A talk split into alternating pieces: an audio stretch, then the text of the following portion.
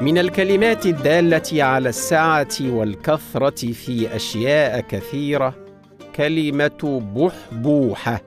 نقول فلان في بحبوحة من العيش.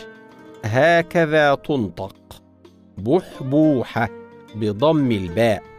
ولكن البعض ينطقها بغير ذلك وهذا خطأ شائع والصواب نطقها هكذا بحبوحة. ونقول كل إنسان يرجو أن يعيش في بحبوحة من العيش ليحيا حياة كريمة تحفظ وجهه وتمنعه من ذل السؤال.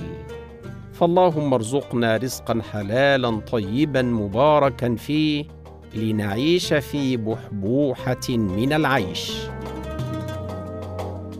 أتقن لغتك. لقطات صوتية نصحح من خلالها نطق بعض الأخطاء الشائعة. نقدمها لكم من ميديا توبيا. ولكم تحياتي دكتور عبد الله الخولي.